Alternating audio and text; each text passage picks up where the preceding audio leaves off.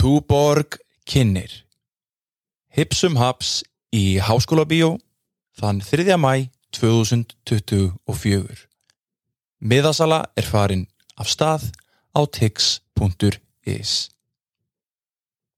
Fymti þáttur SMS Djúbstæðar pælingar um tækni og áhrifinnar á samfélagi hmm, Hver allir sé vel til þess fallin að ræða svoleiðisluti? Gestu þáttarins er Bergur Ebbi Benediktsson Rithöfundur, lögfræðingur, framtíðarfræðingur Af hverju hefur hann svona mikinn áhuga á framtíðinni? Hvenar fekk hann sér GSM síma? Af hverju er nostalgía svona stór hluti af samfélaginu? Bergur Ebbi Já, ég hérna staðsett mig svona og mín huðarafni sem hann hafi einhvern fókus svolítið uh, þannig að ég hef mjög mikið áhuga á samspili uh, manns og tækni og sérstaklega svona trægðunni sem að verður á milli uh, við nótkun tækni. Og það sem ég hef haft mjög mikið áhuga á er sko alveg óháð nefnilega framtíðin er eitt en ég hef, ég hef mjög mikið áhuga á tækni sögu en það er það líka oft leiðin til þess að skoða kannski hvað kemur næst að líta hans til fortíðar og svo hef ég mjög mikið áhuga á svona aesthetík og, og fagurfræði í tengslum við tækni og hvernig hún er presenteruð bæði í myndmáli og alls konar tungutak í kringu það og alls konar hérna, núansar og trægða sem verður til þegar fólk nýtir sér tækni sem að er á endanum svolítið svona það sem að býr til merkinguna og meininguna á bakvið allt saman Já. þannig að bara með þessari staðsetningu og alveg óháð því hvaða tól og, og, og þekkingum man hefur svona til þess að til þess að hérna uh, kafa ofan í það. En bara með því að staðsetja sig þarna þá er það bara, ferur það í sér svona ákveð um, já, maður finnur yfirleitt eitthvað nýtt. Já, og ég meina það, það er svona hérna, þetta lag er svolítið inn á þessu speysi þar sem að það er, það er samskipti ég veit ekki hvort maður eitt endilega tilgrana kynjana en það er svona, þetta er þar og, og við erum að tala um hérna, SMS tímabilið, þetta er svolítið aldamóta skotið svona hérna, hvernig hvernig er, fyrst er hérna þetta svona konsept, hvernig slæri þetta þig þegar þú sér þennan texta sem að fann að skrifa þér, svona, hvernig það finnst er þér eitthvað mjög skemmtilegt sko. Maður sé náttúrulega strax að hérna þú veist, bara þessi skamstöðun SMS um, hún er kannski, maður sér hann ekkit mjög mikið lengur þó að náttúrulega SMS-in sé alveg til með þess að sem tæknistandard og veist, og maður sendur það alveg ennþá þá veginn, það að kalla nákvæmlega uh, einhver smá skilabóð á síma SMS er kannski svolítið svona orðin, orðin svona smá nostalgist sko. Og þá fyrir maður að hugsa hvort það hafi verið einangra tímabil og og fyrir að pæla í í því konsepti svolítið uh, og hvað hafi tekið við og hvað hafi verið á undan. Já, maður sér líka til með að sko SMS ég, ég, ég manni tók eftir einu þegar SMS voru mér sem mjög vinsal voru að, að þau eru náttúrulega voru ekkert kölluð það á enskri tungu. Um, þú veist það er alltaf bara að tala um að senda message uh, text, uh, to text, Já, text, já. message eða bara send me a message eða text message. Og þegar maður var í útlöndum og þá var ég kannski að tala um svona 2003 eða 2004 þá svona heyrði maður, ég vil bara maður í Danmörku eða eitthvað, fólk er eitthvað svona eitthvað, I just sent an SMS og það hljómar alltaf svo skringilega á ennsku því það er líka, allavega í anglo-saxon heimi þá held ég bara að þetta sé ekki bara, að sé ekki orð sko. Heldur þetta sé komið frá SOS einhvern veginn? Um, ég Kannski. bara, ég sko, ég bara, ég, ég hugsa, var þetta ekki eitthvað svona eitthvað s- S-messaging service eða eitthvað, er þetta ekki ennsk samst þetta er, er, Jú, líklega. Og við bara fundum smá skilabóð sem eitthvað Já, geðveitt, og, geðveitt og, leið. og þetta er reyndar notað sko, þetta er notað í hinn Norrlanda tungumálunum ekki? Og eitthvað. Jú og alveg á ég var að semst við gerum smá svona marketing gimmick með þetta lag? Just, bara fólk um að senda með símanúmeri sitt í story og það myndi fá smá SMS kljóða nýju bara á þriði deg og ég fekk ykkur hauga ykkurum númerum send og þurfti að finna mér eitthvað svona fjölda uh, fjöldaposta SMS þjónustu á netinu og þar var þetta skýrt bara, þú veist, bara SMS sko. bara kalla það alþjóðlega. En ég veit ekki fyrir hvað það stendur á ennsku sko. en þetta einhvern veginn dettur ekki inn í sko svona hefðbundið svona vernakular á ennsku, svona hefðbundið tungu Nei, nei, nei, þetta er, þetta er ekki þannig. Og, en svo leiðilegt líka fyrir okkur af því að þetta hljómar actually eins Já. á ennsku og íslensku. Já. við hefðum getað verið þarna bara rosalega cool og international. Já, en við þurftum að vera aðsnaleg já, eða svona ég, maður tók alltaf eftir þessu sko. Þetta er svona, en hérna eitt var þetta SMS-in að sko, þau eru náttúrulega svo út af því að sagt, einhvers konar smáskilabóð eða, eða textaskilabóð, eru náttúrulega eldri heldur en símtölun, það er reytsími er eldri heldur en talsími Já, já, já, þannig að þarna var að vera að endurvekja í rauninni tækni sem að er æfa gömul. Og, og í rauninni í rauninni bara þú veist, sérstaklega gammaldags SMS eins og þau voru og engin mynd eða neitt með í rauninni þú veist, kannski merkilegt að það hafi gert fólk eitthvað sérstaklega spennt sko, því að þetta er bara eitthvað sem að langaði maður svo langa maður hefur getað verið að senda sín á milli með einhverju formi. En mér skilst að hérna, þegar talsými kemur þá hérna uh, þá sér fólk fyrir sér að hann muni taka við af reytsíma sem er eldra konsept. Um, og að en að talsímin verði en sko reytskilabóð verði áfram notuð um, í svona uh, logistískum tilgangi og verði uh, notuð svona meira í, í business og svona, þú veist direct, svona, Já. það er engin tilfinningaleg svona merkingjarna heldur er þetta bara þetta eru skilabúð Já, algjörlega. Og að hérna talsiminn muni síðan vera meira hérna, eitthvað blaður og, og, og hann er markasettur þannig fyrst. Á, á, í, í byrjun 2000 aldar þá er, er talsími mjög mikið markasettur eins og hann sé svona fyrir allt hitt, þú veist, bara fyrir ættingja að, að spjalla saman og vini og kannski einmitt í romantískun tilgangi eða eitthvað. Og þannig er vist markasefnið og þetta er, ég er að hafa þetta alltaf eftir ég, var, ég las hérna uh, review um einhverja bók uh, sem kom út svona um sögu talsímans og það kom líka fram sko að með við það hvað hvernig hlutir eru stúdiraðar í okkar heimi og búið að skrifa doktorsritgerð um allt mögulegt það verður ótrúlega fáir fókusirað inn á svona sögu símtalsins og pælt í Ok.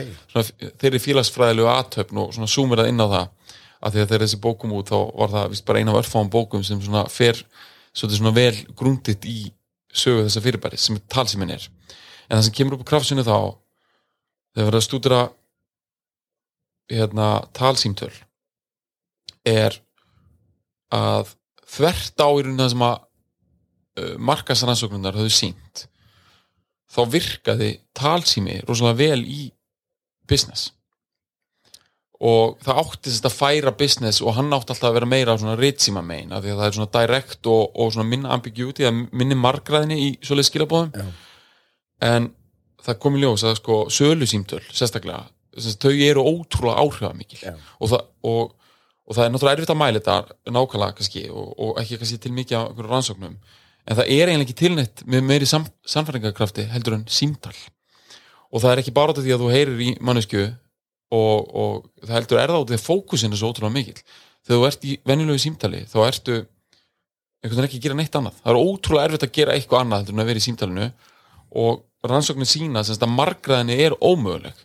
Og ef þú ert í símtali við mannesku skiptir enga máli frá hvaða menningar kema hún geti komið eða, eða hvernig það er þá sem sagt ef það kemur upp töfald merking ef til dæmis hérna, manneskjær á hinni línu það er bara óljóst hvaðan hún er að koma með sitt agenda hvort þetta er sölu manneskja sem er að reyna að selja þær eitthvað eða hvort það sé einhver vinur og þetta meira. Ef að agendaðið er einhvern veginn uh, óljóst þá getur bara tvent gerst. Annarkvort líkur margræðinni út af því að þú bara köttar á það og spyrir byrju nákvæmlega um hvað snýst þetta símtal?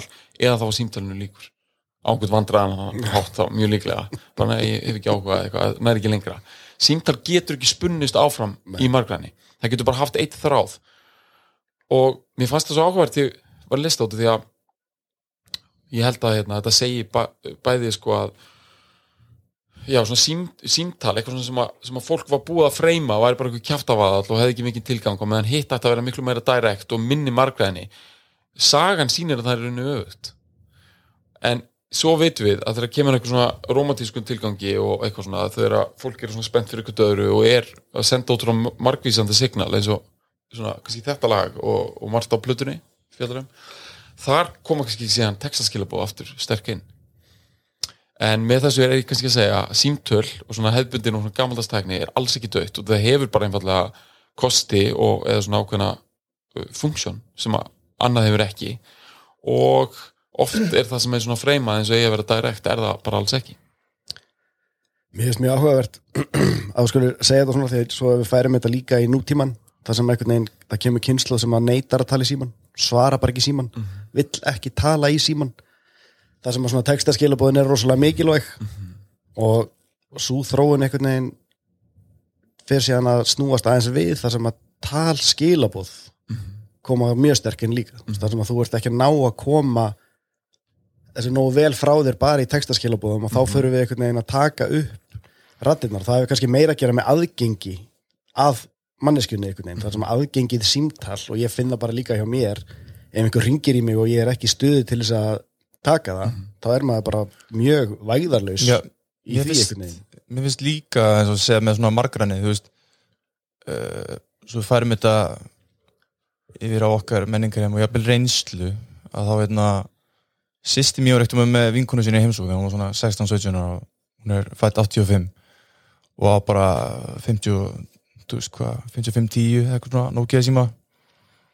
Og það eru bara sittin í stofur og drekka út vútís og veist, það eru bara SMS að fljúa inn, streyma inn.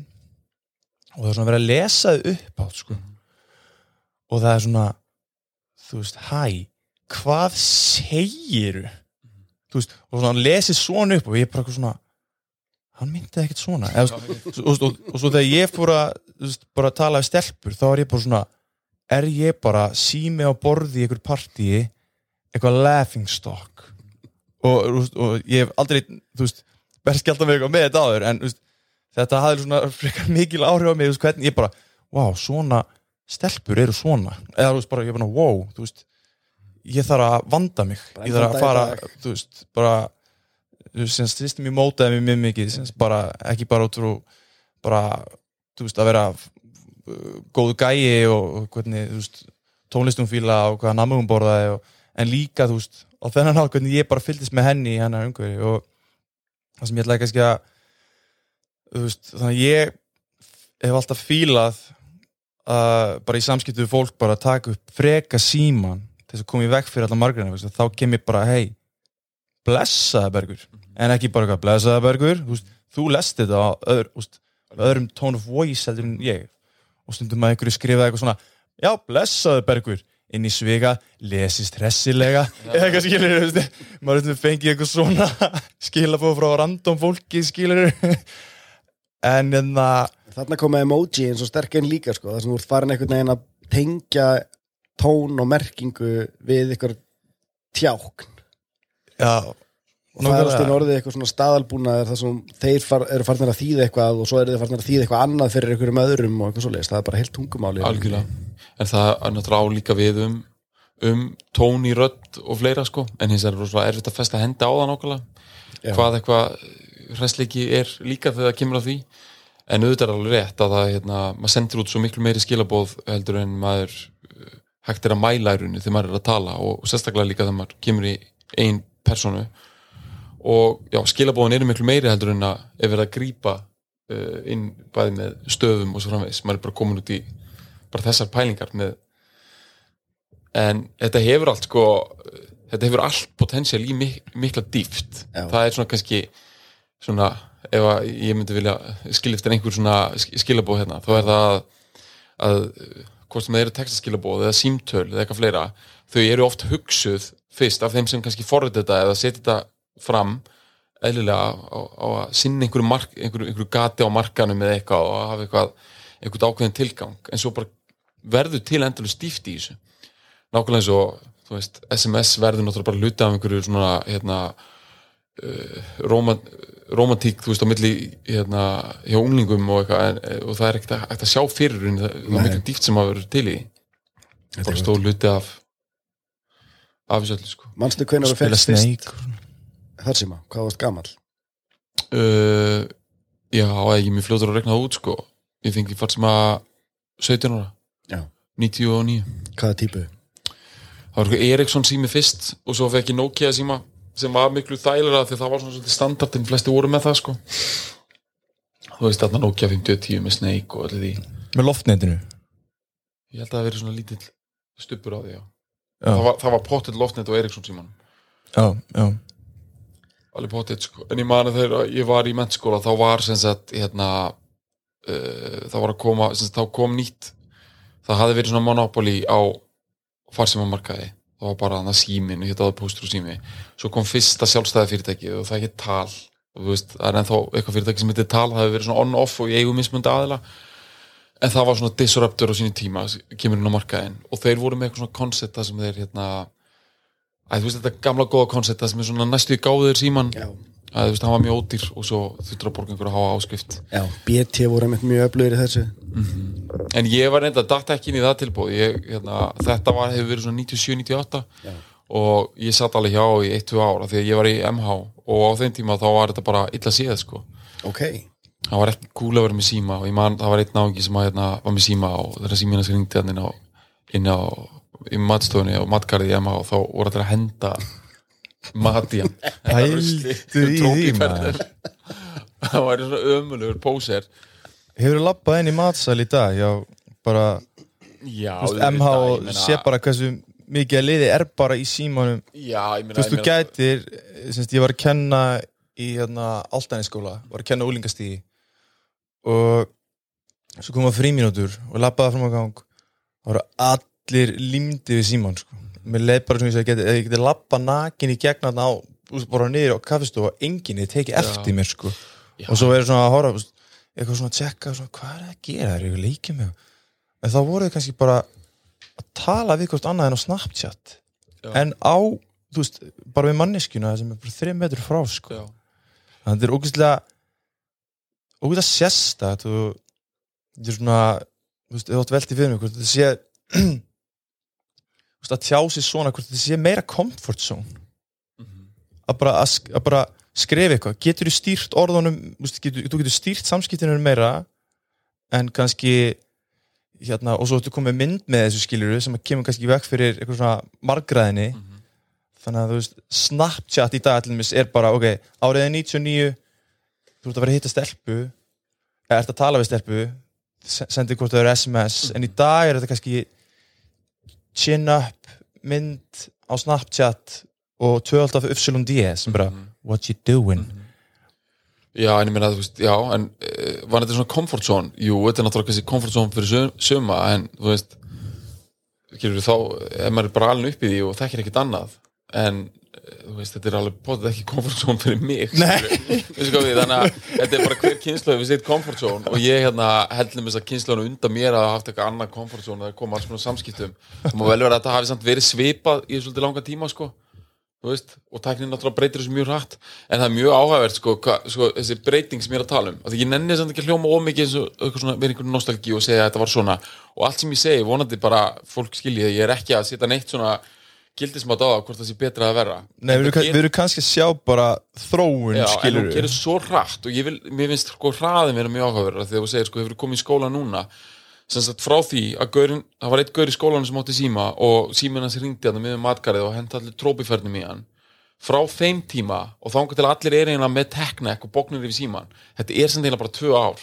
Og ég er að hugsa að sko, mér langar til þess að segja sko að að uh, svona 1980 árgangurinn hafi verið svona þessi, veist, þessi gaur, þarna fyrsti gaurin í síman hafi verið fættur 1980 hafi verið eina ára eldri ég hana, í skólanum og hafi einmitt átt eitthvað smá pening og keift eitthvað síma og þú veist að borga það dýrum dómum eitthvað áskrift og, og þú veist, eða verið að selja landa eða eitthvað, eða verið bara eitthvað svona eitthvað algjör durgur. Já, það funksjón hann Já, og svo krakkar sem, sem, sem komið sem, sem busar og eftir mér 83 þá hafi verið sko hérna sem sagt, ég allavega man eftir því að mér leiði eins og ég væri old út af því, ég var forstir nefndafélagsins í MH á þessum tíma og ég held eitthvað ræðu fyrir busana og mér fannst ég ekki ná sambandi við þau og ég heyrði bara svona tuk, tuk, tuk, sem voru þessi þannig 51-10 hljóð þegar einmitt verið að íta þreysats að gera há og eitthvað mm -hmm.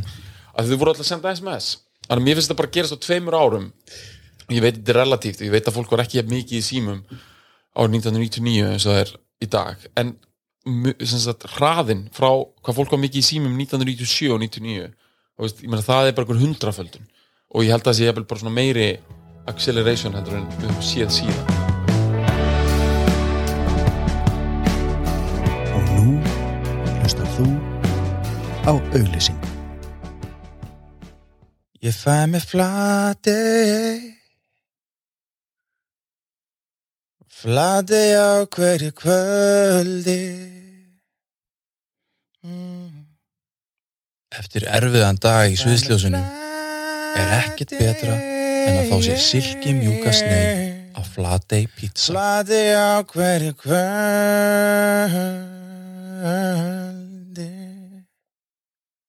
Flatey pizza. Alltaf í sviðsljósinu.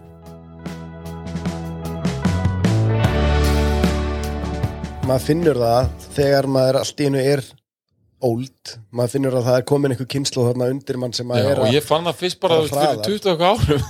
Já, já, en þegar það gerist og svo fyrir það kannski að gerast aftur það sem það komið hérna en, önnur enduníun þá er svo stutt leið í áhyggjurnar og hérna steita hnefan og eitthvað svoleið sko. þannig að mér er áhugavert að heyra líka þína sín sem að pæli mikið í tækni og hraðanum og svona bara. Hver, hver er þín sín á þessa kynsluð sem að einmitt tekur högumyndir af sér og, og spjallar á Snapchat Sko, ég reynir ein, eins og ég segi að vera hvorki eitthvað að pæla hvort þessi betra að verra því það, hjálp, það er oft bara verra fyrir greiningarnar sko, upp á bara að upplýsa hluti ef maður er einhvern veginn fyrirfram mótað gildismátum hvort að hlutir séu einhvern veginn að versna eða að batna.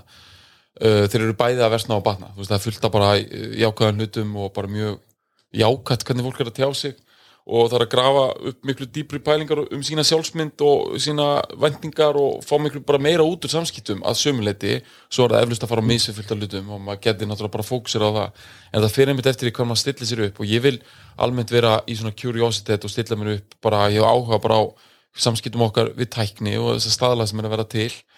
Og ég vil meina, ég hef sjálfur bara stilt mér upp á, á þeim stað í svo langan tíma sko. þannig að uh, ég er ekki sko einhvern veginn, ég hef aldrei, mér er aldrei finnst ég til er að einhver ákveðni kynslu sem gerir hluti á einhvern ákveðin hátt og svo allt í henni er það búið. Ég er bara einhvern veginn alltaf reynd að vera svona aðeins á svona utan við og fylgst með því þannig. Já. þess vegna í öllu svona spjalli þá, þú veist, ég vil helst ekki svona byrja að tala um eitthvað, já, maður með Nokia 50, Nokia 5010 man, það var bara those were the days, það var algjörlega málið, þú veist, ég var ekkert inn í komforti með það og hef einhvern veginn Nei, nei, mér finnst það líka bara svo áhugavert fyrir sko, einmitt okkar kynnslóð, ég set eitthvað svona í svipaðan pakka, þú veist, erum hann á svipum stað. Að það er einhver svona nostalgía sem tengist samt svona ákveðnum hlutum og svo núna finnst mér einhvern veginn, ég veit ekki hvort það tengist í bara að maður er komin inn í speysi þar sem að það er bara við eigum peningana eða eitthvað svoleiðis. En það er svo rosaleg nostalgía í samfélaginu. Mm -hmm. upplifir þú þetta líka þannig, þú veist, bæði bara í tónlist og kvikmyndum og allt svona, þú veist, það er bara eins og að sé meira en áður skiptir nostalgía máli einhvern veginn, Er- upplifir þú þetta líka? Já, ekki spurning og þetta er náttúrulega heil teória innan svona markasfræða svoleið sko. Að um, sagt það, það er ekkert sem selur það mikið eins og ef þú nærði einhvern veginn að setja eitthvað á markað sem að fólk fekk svona einhvern veginn viff af sem bann en er núna komið kaupmátt þess að svona algjörlega sökka sér ofan í. Bara eins og Star Wars fransæsið þú veist, græði miklu meiri pening í dag eða jafnvel bara fyrir tíu árum heldur en að gera 1977 þegar það byrjaði. Að því þá er eitthvað investment og það þarf að búið til einhverja bíómynd sem einhverjir sko, 12 ára krakkar höfðu gaman af og þeir gáttu bara keitt sér svo og svo mikið að leikfengum og svo líða 25 eða 30 ár. Og þá er þetta sama fólk þú veist, getur upplefað sig sem bann á nýtt. Og þetta er líka oft tengt við Michael Jordan, þú veist þannig er Jordan skona sko að fólk er bara tilbúið að kaupa fimm pör núna, að sérstaklega það hafði jafnvel ekki efna á að kaupa einu svona eitt par þegar það var krakkar sko Já.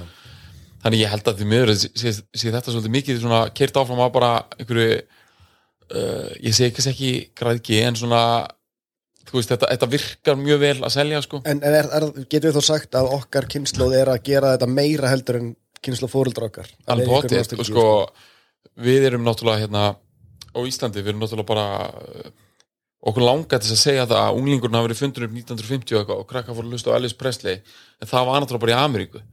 Veist, það var ekki til unglingamenning eða, eða krakkar sem hefur möguleika á því að að skapa sér urinni sína eigin menningu á, með einhver, einhver, einhver hagfræðilegan hátt á Íslandi fyrir bara í rauninni kannski já, svona 1980 eitthvað, þú veist, þá verður þetta ekki til þannig að það eru kannski krakkar sem eru aðeins eldri en ég sem eru rauninni fyrstu unglingarnir á Íslandi út frá þessum kaupmáttarskilningi að því við erum bara hilli kynslu á eftir uh, Ameríku eða, eða hérna, löndið sem voru honum þróari fyrr og En hvað er það þá, þú veist, svona þú veist, markasfræðilega hugtök eins og Generation X, Generation Z Millennials, þú veist, að fara að setja bara, að bara bara eru, úlingar eru bara markkópur, hvernig náum við til þeirra? Meina þetta þannig að það sé bara þessi hugtök verið til svona inn í 80s Já, þau verða til setna sko. Eða Generation X verður til 90 eitthvað. Og svo er búið alltaf skema í kringum það eftir á sko.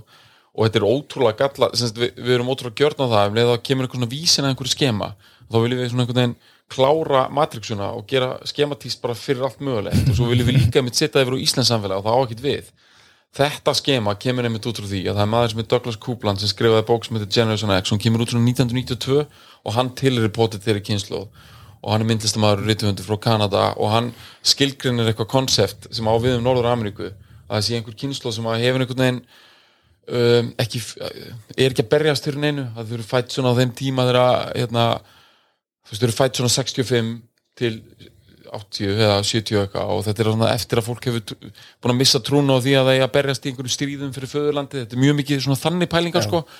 Og, um, og er ekki mörkuð af neitt svona sérstaklega styrjöld eða neinum sérstaklega hlutum þess að kalla Generation X eða og whatever sem er náttúrulega hugtak sem hefur notað marg og oft áður sko, eitthvað svona fólki í millistrís árónum og svo framins, þetta eru yfir þetta svona marg notuð hugtök uh, svo hafði alltaf verið til bara heipa kynsluðin og eitthvað sem er kallað baby boomer sem er svona áhugavert kynsluðadæmi bara út frá hreitni demografíu, af því að það er síðasta kynsluðina sem að fæðast ótrúlega mörg börn en það þurftu ekki að fæðast mörg börn. Og það á líka við um Ísland í rauninni það sem standardi var að, að hjón eignust fjögur börn nokkurn veginn út af því að þú veist, við erum bara nýkomin út í tímabilið sem var barnadauði og bara það komist ekki allir á legg.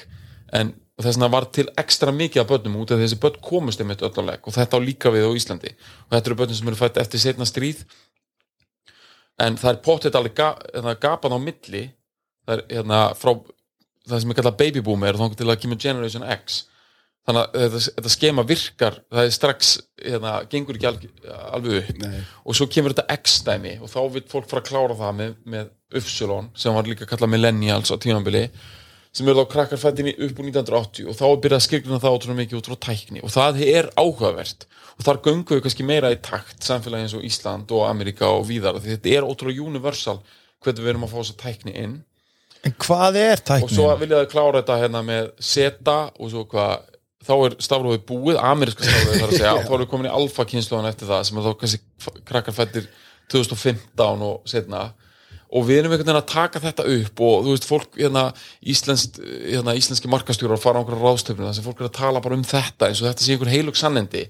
Þetta er svo ótrúlega huglægt mat, þetta er að mörguleiti ótrúlega gallað og maður á bara að byrja á svona basic terminology og hvaðan þetta kemur bara til þess að reyna að skilja þetta.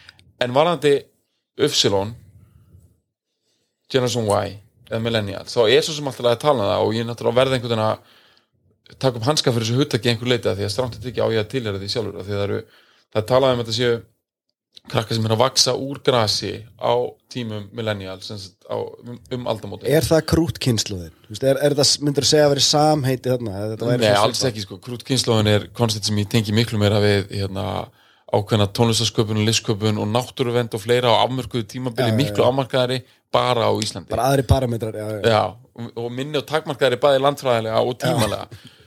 Nei, ég myndi segja að Generation Y sé alveg að einhver leiti svona raunverulegt hugtaka því leiti að sko, ég sjálfur er fættur eftir 1980 og kannast alveg við þess að hugmyndu það að vera alast upp á meðan þessi teknir að verða til.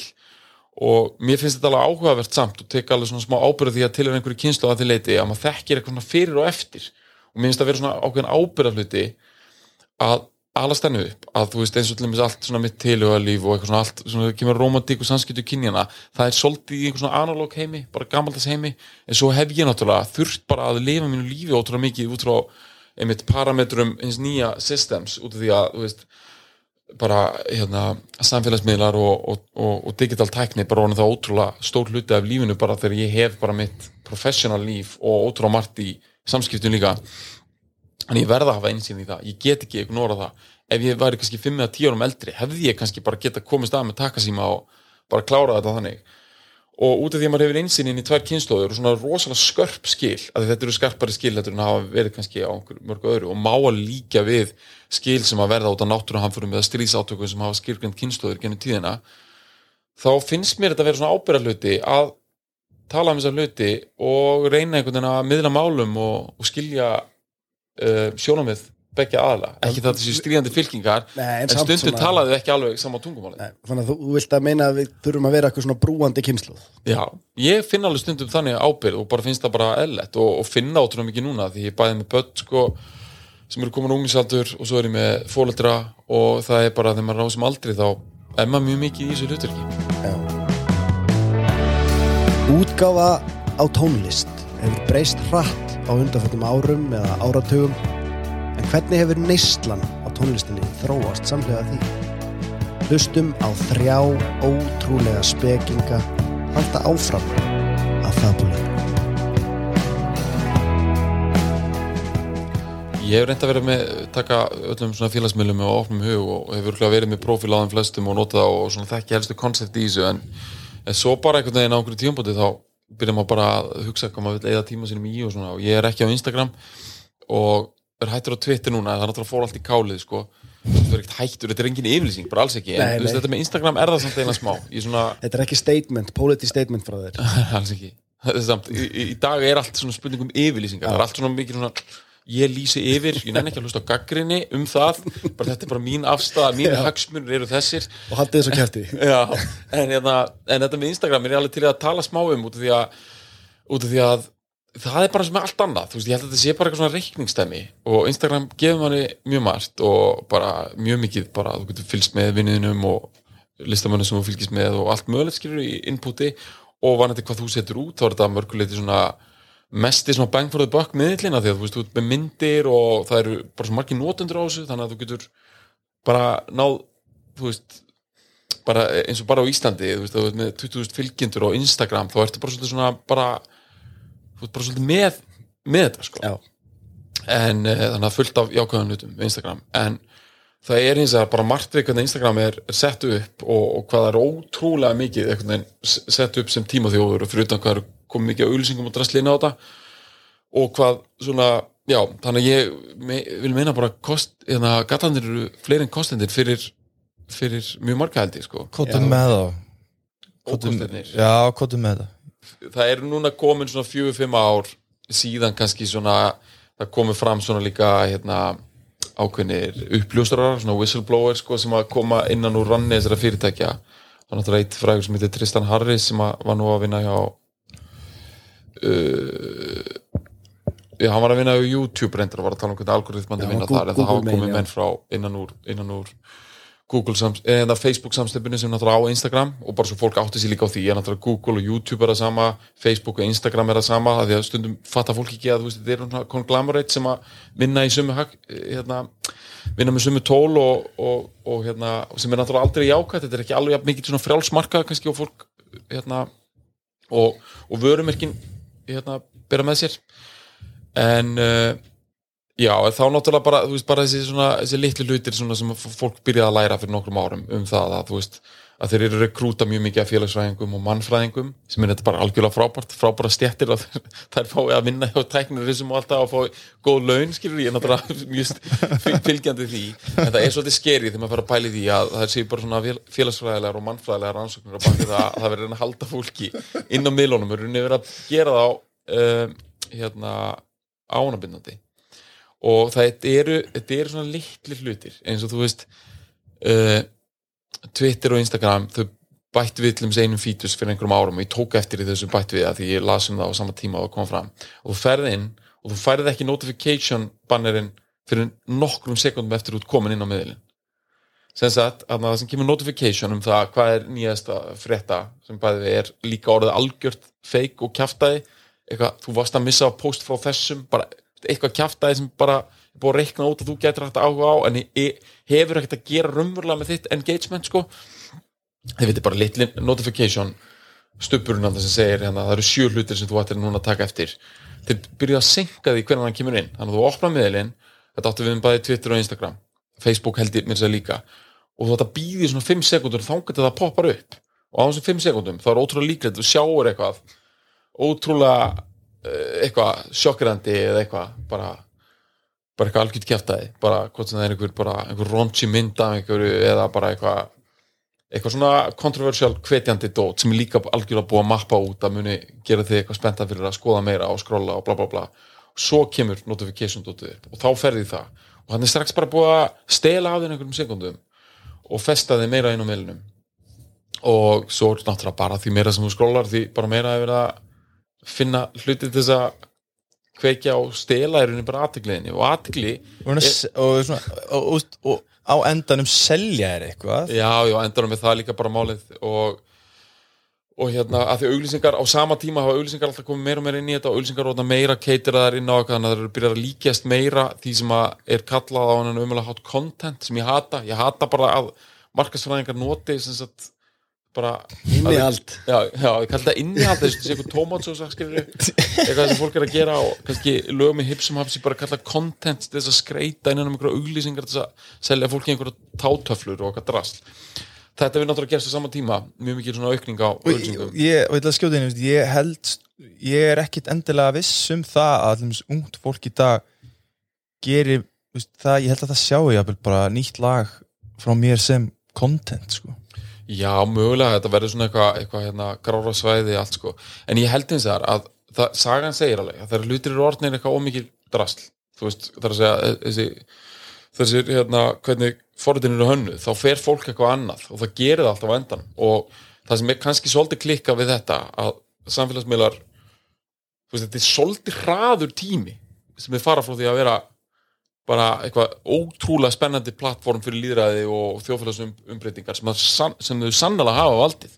Bara að því að svo það því sé haldið til laga það eru ótrúlega miklu hlutir sem hafa breyst í okkar samfélagi mér, til eins betra og, og valdamúrar sem hafa verið brotnið niður sem hefði aldrei gerst með hefbundu uh, demokratískri umræðu veginn En á það- annan hátt. Já, en en það er ótrúlega stuttu tími sem líður frá því að þetta er í gangi. Þá getur að byltingin í þetta börnin sín og við erum í rauninni komin í svona kannski já, margt til dæmis eh, sko, svona andlýðræðislegt uh, mjög óðlega óðlega skoðanaskipti og, og, og plattformið í rauninni bara byrjaði að vera bara byrjinlega svont fyrir, fyrir mannfrelsið og bara þessi djúpi gildi hver svo sem, Já, já. Þau, hvernig svo sem þau eru skilgrind Já, það, það, það er líka sko það sem að sérst, bara þessi heimilduminn sem að hrætti mig og frætti mig uh, heitir Hypernormalization uh, hvað heitir hann aftur? Gæinn sem að gera hana? Ég man ekki hvað hann heitir en ég veit hvað myndið er. BBC, Já. dóttin hana Richard. Já. við, við, við, við, við, Richard er nóg Já, gefur við, við, hérna, við, tö- við, tö- tök, tökum upp hérna setna og ég skýt inn í. En hérna þetta er bara svona klift narratífa af bara norminu, bara yktu normi. Og eitt þema í þessu er til dæmis það bara þú veist, samfélagsmiðlar koma inn og það, þú veist eh, byltingin í Egyptalandi og eitthvað svona, þú veist það byrjar alltaf einu Facebook event svo bara verður þetta massist blót en svo hefur ekkert breyst. Og sama er Íslandi.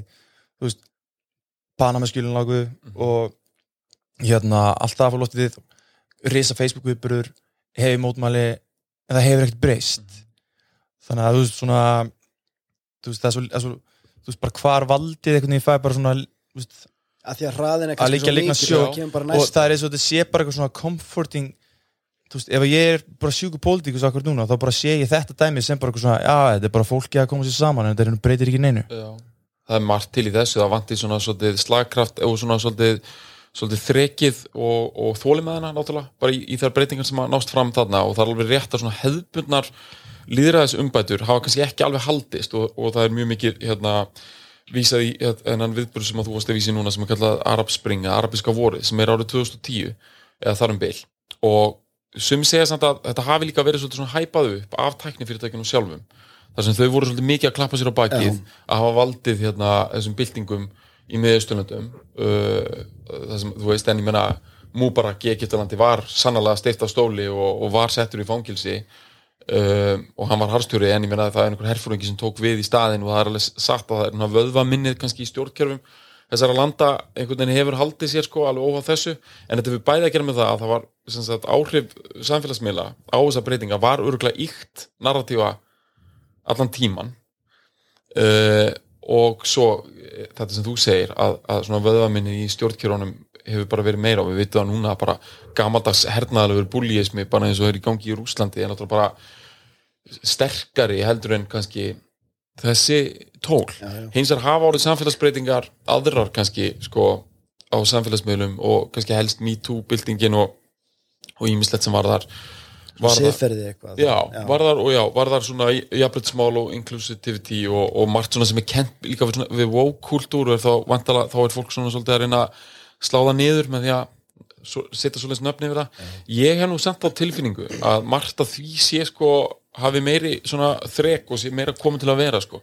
Algjörlega. Og það sé svolítið fyrir og eftir og, og, og þó að það sé ekki nema bara þessar takmarkuð umbætur á okkar samfélagi sem verði út af félagsmiðlum þegar við horfum tilbaka eftir 50 ár þá verðum við samt að hugsa að það er alveg umtalsvært já, já. En það er alveg rétt að að samfélagsmiðlar enduðu einhvern veginn ekki kannski á að breyta stjórnkjöri með Austurlanda eins og það var búið að lofa okkur á tímanbili það sem ég langaði Það að var ræða maður svona held að væri að gerast skilur en það er líka kannski einhver hraði sem að maður er þá farin að setja fram sem einhverja kröfu að hlutir gerist á hraðar heldur en þeir getur umverulega gerst af því að samfélagsmiðlarnir fara hratt og þá finnst manni allt samfélagið vera bara á, á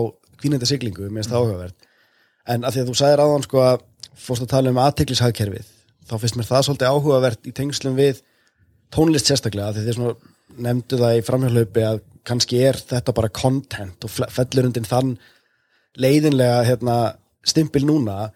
En sko er þetta þá kannski að breyta því hvernig við veist, sköpum tónlist af því að það er að koma upp kynnslóð sem að er ekki að gera greinamun á kontenti í þessu samingi sem þú nefndir það sem svona pínu hérna, neikvætt sull.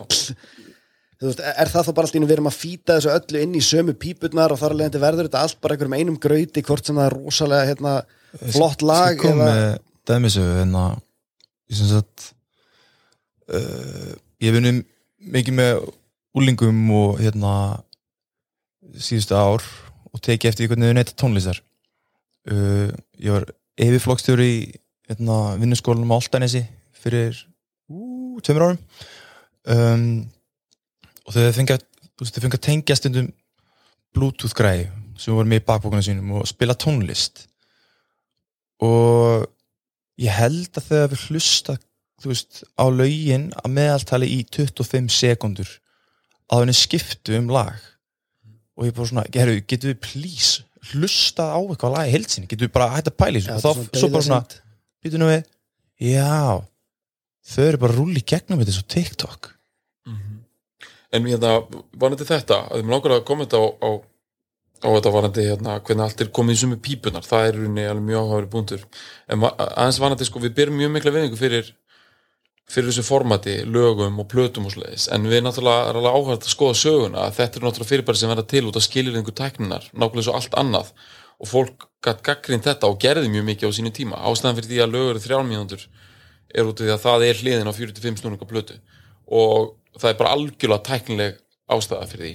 Og svo setna þá kannski harmonur þetta við sko þegar útvarp byrjar að senda tónlist að það hendar á, ágætlega að spila tvö lög og svo fá skilabóð skilabóð verðandi auglýsingar og talandi um að blanda hlutum saman í, í, í sumu pípunar þannig að er það bara format sem að kemur svolítið þaðan lengd og sjónvastáttur líka og svo leys Já, þetta er mjög háð hérna, skilabóðum frá, frá kostunraðalum og, og, og svo leiðis en það er mjög áhægt með, með takmörkunum á, á lengda lögum sko. og að og fólki fannst þetta örglega að vera frekar stutt við veitum náttúrulega klassíst tónverk veist, hérna frá 19. öld skilur þau eru yfir lengri eh, en nákvæmlega þetta þetta þryggja mjögna lag sem síðan fekk svona smá breytingar af því að náttúrulega eins og við vitum þá var uh, 1P-platan eða 33 snúningaplatan sem getur komið sko að minnstakusti 15 mínútum á hvora lið og jafnvel meira verður alls ráðandi á 8. áratögnum og þá byrjuðu lög að vera leng lengri og uh, og þú veist náttúrulega svona tækni hefur skilirt uh, músík hún hefur mótað þetta hefur mótað þetta og, og núna sittum við ennþá upp með það löngu þar að tæknin er hætt að takmarka þá byrjum við ennþá ótrúlega mikla virðingu fyrir konceptinu. Og, og, en, en bara þessi pæling með að hérna, vers viðlag, vers viðlag millikabli og vers viðlag þú veist, þetta er rauninni mjög mikið mótað á tækni.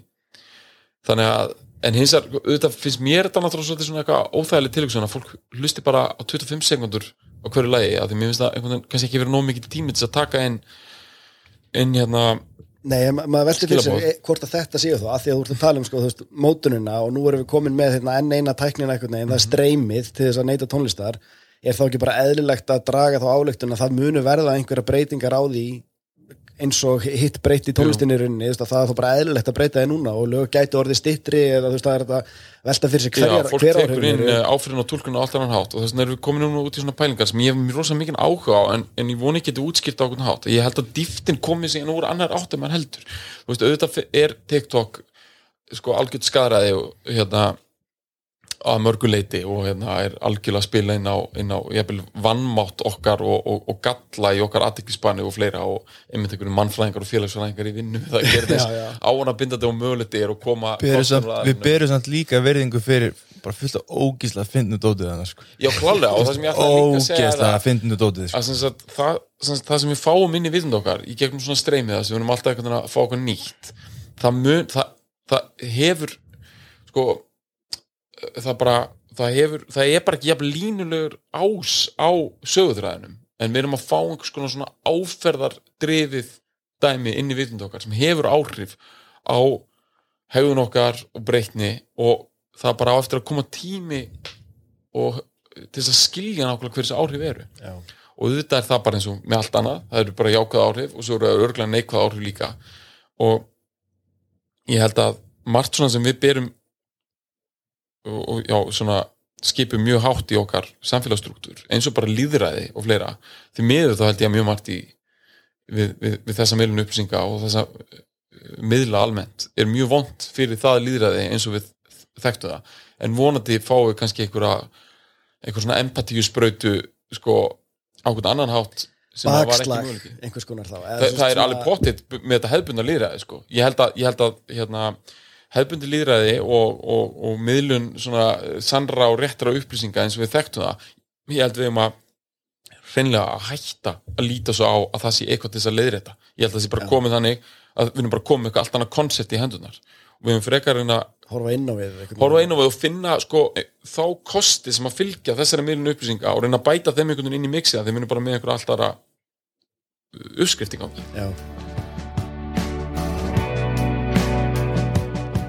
nú hlustar þú á auglýsingu. Langar þig í Polestar ramaksbíl?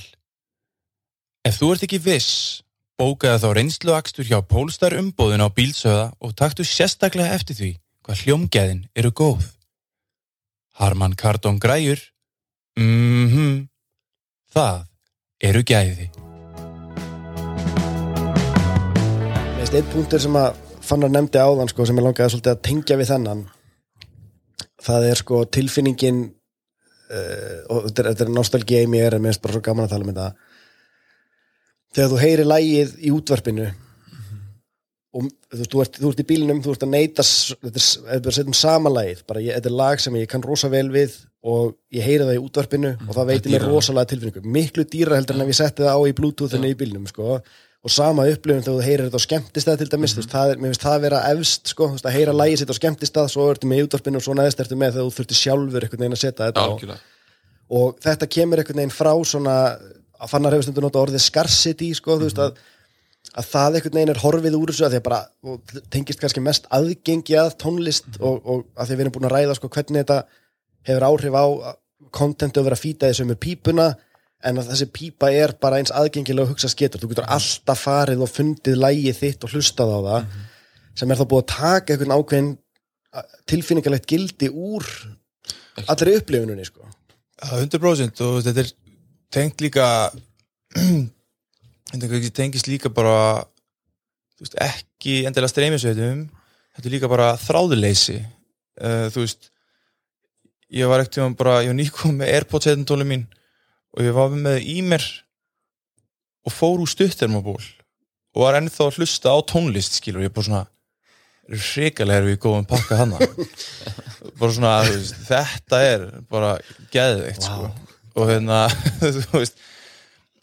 um, En af hverju eru hérna lög dýrar þú heyrið í útarpinu? Er ekki bara nokkuð auð, auðvelt að fara gegnum það lógist bara skref fyrir skref? Þú bara, viðkenninga eitthvað já, þú heyrir að aðrir er að fíla það sama á þú og þá færð þú bara svona skot inn í þig af einhvern svona samkendar dopamíni, eða, þú veist, um það að þú sett meira akcepteraður og að þi- þitt, þín sín á lífið er, er deilt með einhverjum öðrum uh, þú varst ekki bara að kýtla sjálf að þig skilur þú veist, þetta er ekki bara einhver, einhver sjálfsfróun eða eitthvað. Sem bara munurinn nota það líka, sem er náttúrulega bara líking það. Já, og ég meina, og líka bara líking sem bara hefur notið bara mörg þúsund ár yfir það að þú þarftur umverulega að vinna fyrir hlutunum og fólk þarf að gera hluti í saminningu og, og, og stemningi sér sjálfsbrottin, hún liggja hann í loftinu og það sé til eitthvað meira heldur en bara þú í veröldinu, því að það er í rauninni ekki neitt sem að veldur að mikil óhamingju eins og hugmyndunum það að þú berir ábyrð algjörlega einn á þinni hamingju sitt einn að bera ábyrð á þinni velferð allir hugsa bara sjálf á sig.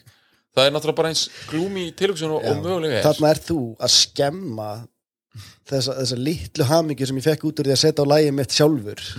Núna minn mér mér líða mjög einmannalega Já. en náttúrulega, ég held að ást, semst, þegar maður er að hlusta á lög sjálfur og, og fíla, fíla þau mjög vel þá, hérna, þá held ég að öll hamingjutilfinningin, hún hafa að gera með það að þú hugsar einhvern tíma getið deilt þessum öðrum Já, einhvern tíma muni spila þetta fyrir mig. Og ég ætlum þess að upplifa svo skemmtilegt núna því að þú veist ég er með ég er að spila músík fyrir börnum mín og mér finnst bara einhvern veginn ég verið að fara nú út úr tímabilið það sem að ég hafði ekkert gaman að ég hlusta tónlist í ógeðslega langan tíma. Svona nokkurn veginn yfir að heila eða ekki jafn gaman og einhvern tímann áður. Út af því að ég hugsa svo oft hérna, og hvað verið gaman að þeir geti spilað þetta fyrir krakkan mína og hvort sem þið fílaði ekki það bara, bara möguleikin á því að ég geti gert það eða spila þetta fyrir einhvern, eða maður er einhvern félagskap og gera það, það var gaman að fjallum þetta með snorra í fílalag eða taka þetta, Einmitt. það er öll hamingjan held í því að hlusta músík, ég held að sé bara eða þú veist, maður náttúrulega fer ekki kannski að djamma mikið lengur en þú veist, ímynda sér að spila það í partíum eða í einhverju félagskap með öðrum. Ég held að sé tilvöksunin um það að einhvern tímann munur njóta þess með öðrum. Það er félag, félag, félagsþáttur í þessari það er náttúrulega alveg óumdelt sko.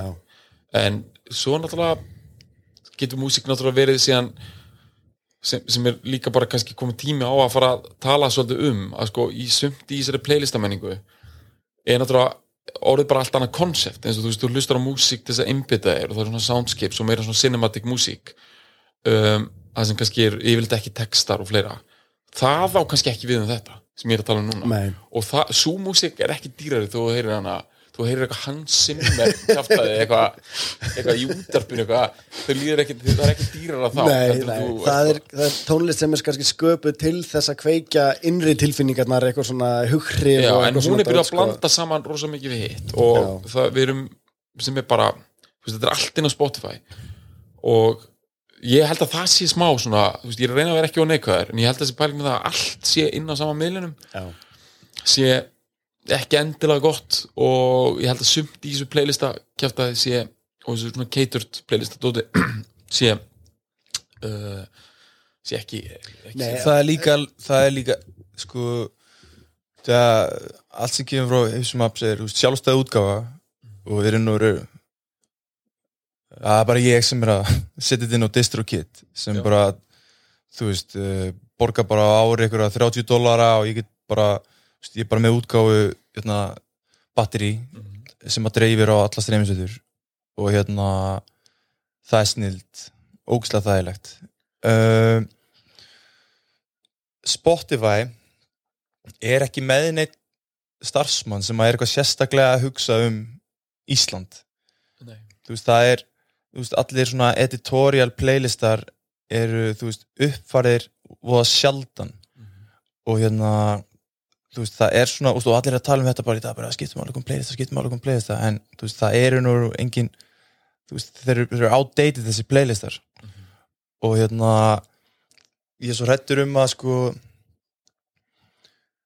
þú veist að með svona global battery eins og Spotify að þú veist það verður bara svolítið með, með svo margt annað að Ísland þú veist, að íslenska sem tungumálastilling sé bara eitthvað erfið, við þurfum ekkert að gera það að setja pening í það, þetta eru 300 manna þjóðatningstæður í allsæði sem skiptir einhver fokkin máli.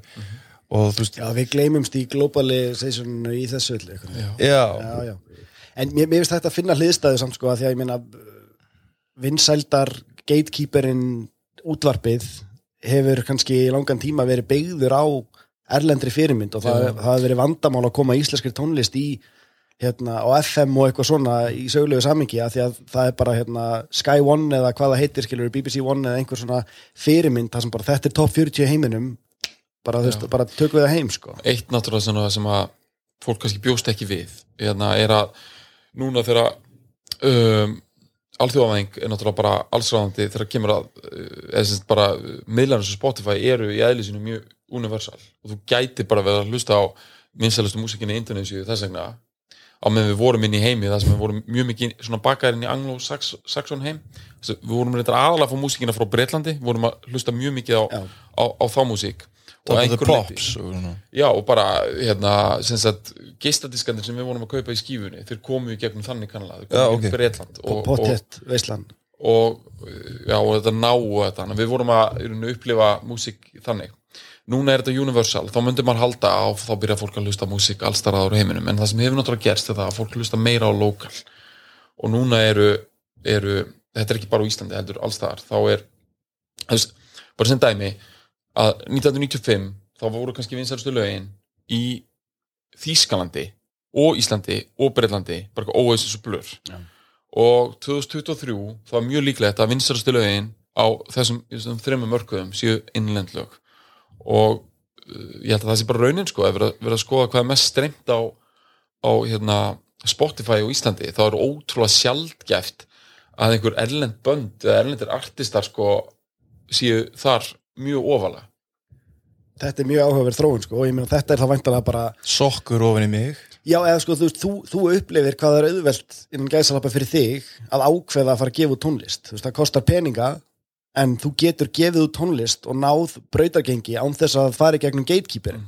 Þú veist, án þess að fara í gegnum einhvern sem að Það segir, já, nei, ég ætla að sæna þig eða ekki, En- eða eitthvað svoleiðis. En þetta harmonerar bara líka við sko stærra koncept sem hefur fyllt bara upplýsingatækni og samfélagsmiðlum, eða samfélagsmiðlum, skulum ekki hafa þetta eitthvað of stórt koncept sem ég er að prestera hérna, að þegar þú átt möguleika á öllu saminginu, þá takmarkar þau oft við minna og minna samingi og, og nákvæmlega eins og árið 1995, ef þú varst með einhverja skoðun og þú vildi deilinni, þá þurftur að minnst að fara í morgumblaðið eða einhvern svona miðil sem svona 40.000 manns lásu. Það var valla til minna samingi heldur en það.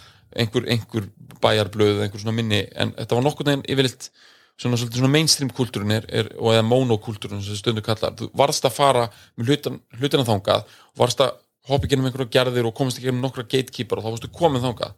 Í dag að þú ert með einhverja skoðun, þá setur hana bara frá því strax og fyrir 15 árum þá var þetta rauninni bara þannig bara wow, nú lesi þetta allir. En núna erum við náttúrulega löngu búin að fatta það að það enda bara á því að bara fólk í þínu nærumhverju og bara fólk sem að í rauninni hefur áhuga á þessu fyrirfram móta áhuga á þessu uh, mun lesi þetta. Nefnir þetta sé eitthvað ógeðslega kontroversial og klikkað og í rauninni bara ekki neitt viti þá náttúrulega fer þetta út um allt á raungum forsendum. Já. þannig að það sem átt að vera universal það hefur bara búið til meiri, gló, nei, eða meiri lokal kultúr og þetta er prinsip sem heitir örglega einhverju nafni bara eitthvað logísið og er potið til í forritun líka. Eftir því sem hún leipir bara þú gerir bara, bara borðið stærra því líklega er að strömminu fari bara á ákveðna þætti. Og þetta er bara einhver, einhver elektrónisk leikjafræði þannig á bakvið Já, já, já. og þetta á við músíkina líka. En ég meina auðvitað þetta bara hefur, sko núna erum við veist, maður hefur áhyggjur af, af, af nútíma af, nei, af menningu okkar skilur því sérstaklega við erum með lítið tungumál og, og, og svo leiðis og ég verð að segja, þú veist, og ég stúdri þessar teknibreitinga mjög mikið á áhrif þess að menningu þá veit ég ekki alveg hvernig það mun fara núna þegar að koma nýtt stökk inn í þetta sem er gerfugrindin um, hvort að þú veist, við erum annars vegar með gríðalega ógn við okkar tungumál út af því að gerfugrindin, hún mun felast í, í, í svo mikli þróun á máltækni sem því það við erum alltaf að fara að nota tungumál meira þess að tala við, við, við, við tólin. Uh, og, og það hefur hingað til farið fram eiginlega bara á ennsku eða sko, það fer alveg fram á þýsku og frönsku og stærri málsöðum líka. En fyrir okkur þá er það alltaf á ennsku og krakkar þurfa að tala við Alex og Sirius og framins á ennsku og það geti bara straujað út okkar litla tungumál og bara ótrúlega skömmum tíma út af því að samskipt okkar eru svo ótrúlega mikið við við, hérna, við, við Tæknin. og ég meina núna eru bara unglingskrakka að byrja að spjalla um hvort þau að fara í bíó í kvöld bara við, gerfugreind og það verður að fara fram á ennsku eins og staðinni núna þó að sé reyndar einhver einhverja blikur á lofti að Embla eða hvað það heitir Já, þetta sem að miðind er að þróa og búin ná samningi þarna við, við Microsoft og ChatGPT og allt þetta. En svo gæti þetta líka verið tekni sem að bjarga tungumálinu út af því að ef það verður svona ótrúlega mikið þróun í máltækni þá er það ekkert mál að snúa einhverju litlu tungumáli svo íslensku yfir á, á meðan það var ekki möguleiki með tekni sem var til staðar Getum hengt okkur á þýskuna einhvern veginn og Já, þannig að þetta, maður veit ekki hvort meginn þetta mun enda, en ég held að þetta sé eitthvað sem mun spilast út á næstu 5-10 árum ég er bara, ég fyrir alveg, ég held að þetta sé að fara og ég, hún er Eiríkur Röggvaldsson ekki að hlusta maður. það er bara, ég Þetta er er stressandi. gaman, já, þetta er stressandi, Stressandi og. Finnst þér þetta þurfa að vera eitthvað sem að kemur frá hennu ofinbera, bara átak nýtt ministry jafnvel, eða þú veist bara einhvern veginn svona, bara herru meiri þróunapeningur inn í þetta en ekki bara eitthvað, þú veist, enga fyrirtæki að segja mjög rannís, finnst þetta að vera bara full blown átak í ég að að þurfi bara að blöndu af öllu sko, sem er endar í gangi sko, maður heyri stundum bara eitthvað svona, já, Lilja Alfreð sem var á fundi með Spotify, hún leti í sér heyra, Já, sko. hún var á- náttúrulega hún var á fundi með, með, með Disney og, og hérna og svo hafa sendinemndir farið og náðu einhverjum, einhverjum samlingum um það að þróa allavega hluti meira. Uh, sko, við náttúrulega getum gert grína af þessu og fundist að vera fárunett að, en þetta er samt svona. Þetta er á endanum bara einhverju fundir með nokkrum fyrirtækjum. Já, já, já. og að þau síni þessu skilning og áhuga, það getur haft ótrúlega mikið að segja. Og maður heldur alltaf að tækni sér algjörlega stjórnlaus. En hún er það svo alls ekki. Það er svo ótrúlega mikið af hlutum sem við gerum í dag og eru, eru hérna, hafa fengið einhvern ákveðin farveg er bara út af hérna, duttlungum eða að minnstakosti svona persónulegum preference hjá ákveðnu fólki. Og maður færi svo mikla einsinn inn í þetta en maður lasi hérna æfisöðu Steve Jobs sem hann reyndar kjúritaði algjörlega sjálfur í taktir svona sitt legacy. En náttúrulega maður með ótrúlega mikið vision maður með sterkar narratífu. Já, algjörlega. Og hérna og, og var einmitt með svo, svo skýra sín sko, hann skildi svo vel hvernig aesthetík og fagurfræði og fleira spilaði líka inn á, inn á hérna, hvernig teknum myndi þróast. Og, og hérna, en þar kemur sér maður svo skýrt að þetta er ótrúlega mikið hérna, miklu meira spurningu smekk og dötlunga og hann þegar sko veist, öll þessi snjalltækni og alltaf dæmi sem við erum með í dag, snjallsímin og fleira við náttúrulega verið til fyrir einhver þróun það sem að kannski ein, engin einn hefur algjörlega verið við stjórnvölin en Steve Jobs sér það strax þegar iPodin er sem er músikspilarinn og þetta áhugavert og öll þessi tækni alltaf skroll og alltaf dót þetta kemur í gegnum músikina. Hann var náttúrulega brjálaðast mikið tónlistar aðdándu sjálfur og hérna og hann er elst upp, hann er svona, svona legit baby boomer og elst upp á sjönda áratögnum þegar tónlist breyttir umverulega heiminum. Og hann hafði sérstaklega mikið áhuga á Bob Dylan og Beatlunum og bara það eru fyrirmyndir hans og reyndar hafa náttúrulega verið heil, heil mikið málafelli í tengslu um það hvort að hann hafi skýrt fyrirtæki Apple út af því að Beatlandi skýrðu fyrirtæki sitt Apple og það er ekki alveg útsemið það hvernig það var. En þetta eru stærstu fyrirmyndir hans í lífinu eru þessi tónlistarmenn og, og konur sem að breyta heiminum á sjönda áratögnum og hann var náttúrulega einu sinni með þess að í sko romantísku sambandi með John Baez þjólaðasöngunu og allt þetta. Og þetta er, mótar hann ótrúlega mikið. Þegar hann sér hennan uh, þegar iPodin er komin í hendar þá hugsar hann strax iTunes Store, þú getur fengið alla tónlist í heiminum og það verður að vera öll tónlist. Já. og þetta er að sama og, og hérna, Erik Schmidt eða hvað þeir heita hana, hérna, Google gæðarnir hérna, er að hugsa, þeir vilja fá allar bækur í heiminum, veist að þessi hugsun er að kvikna hana nema Steve Jobs kemur með þetta fyrr í runni ég veit ekki nákvæmlega hvernig iTunes byrjar en hérna og það skiptir hann svo miklu máli, þetta sé allt öll músikin og þá hugsa maður, já, en það er bara tæknin sem ræður þessu. Nei, það er ekki tæknin sem ræður þessu. Hann ringir persónlega í tónlistafólk og sannfæra það þetta er nákvæmlega sem þú fer að stað með eitthvað verkefni ég ætla að halda partí, ég ætla að bjóða öllum by hand. Já, by hand. Og endanum þá þarf til að setla málum um það hver stopnaði Apple og hver á að fá royalties eða þessu nafni við bítana og Apple fyrirtæki sem sannlega er ennþá til, fyrirtæki sem bítandi stopnuðu 1969 til þess að þeir fari á endanum inn á iTunes og fari þar inn og þá kemur þessi hugmyndu það að Universally geti allir farið inn á einhvern eitt plattform og bítlandir eru núna dottinir á Spotify og iTunes er ekki við stjórnvölinn lengur. En þessi hugmyndum það að ná öllum hún er gerð í gegnum músík og hún er gerð nákvæmlega svona, bara með personal invitation í gegnum sín einhvers ákveðinsmanns sem að var aðdándu tónlistar. Hérna Samsung sem er náttúrulega annað rosalega brautriðandi hérna, og svo snjáttsimatakninar er samt alltaf aðeins og eftir Apple, sérstaklega til að byrja með. iPhone náttúrulega riðu brautina, það er ekki nákvæmlega sama og þeir, gangi já, þar. þeir læsensa tilfinninguna með hvernig þú notar þetta og eitthvað svo Já, algjörlega, bara allt þetta swipe og skról og allt þetta skilur við líka en hérna en uh, ég þess vegna held ég að þú veist mér finnst persónulega að vanta svona leiðtuga í þegar kemur að svona stafræru hugmyndum og, og varandi menningun og fleira á Íslandi en þú veist, og nú er það sem ég er að segja ekki neitt pólitíst, en bara þau fái skipti sem maður heyrir einhvern veginn svo Lilju Alfreðs eða eitthvað Guðuna T.H. eða eitthvað segja eitthvað svona, þá finnst mér það bara magnað og ég, mér finnst það ekki vera eitthvað svona eins og já, hvað ætlar hún að gera eitthvað á Spotify, að því á endanum þá bara, við erum með eitthvað ótrúlega dýrmætt í höndunum sem er Íslands tunga og, og við eigum bara að vera ótrúlega montin af því og reyna að standa að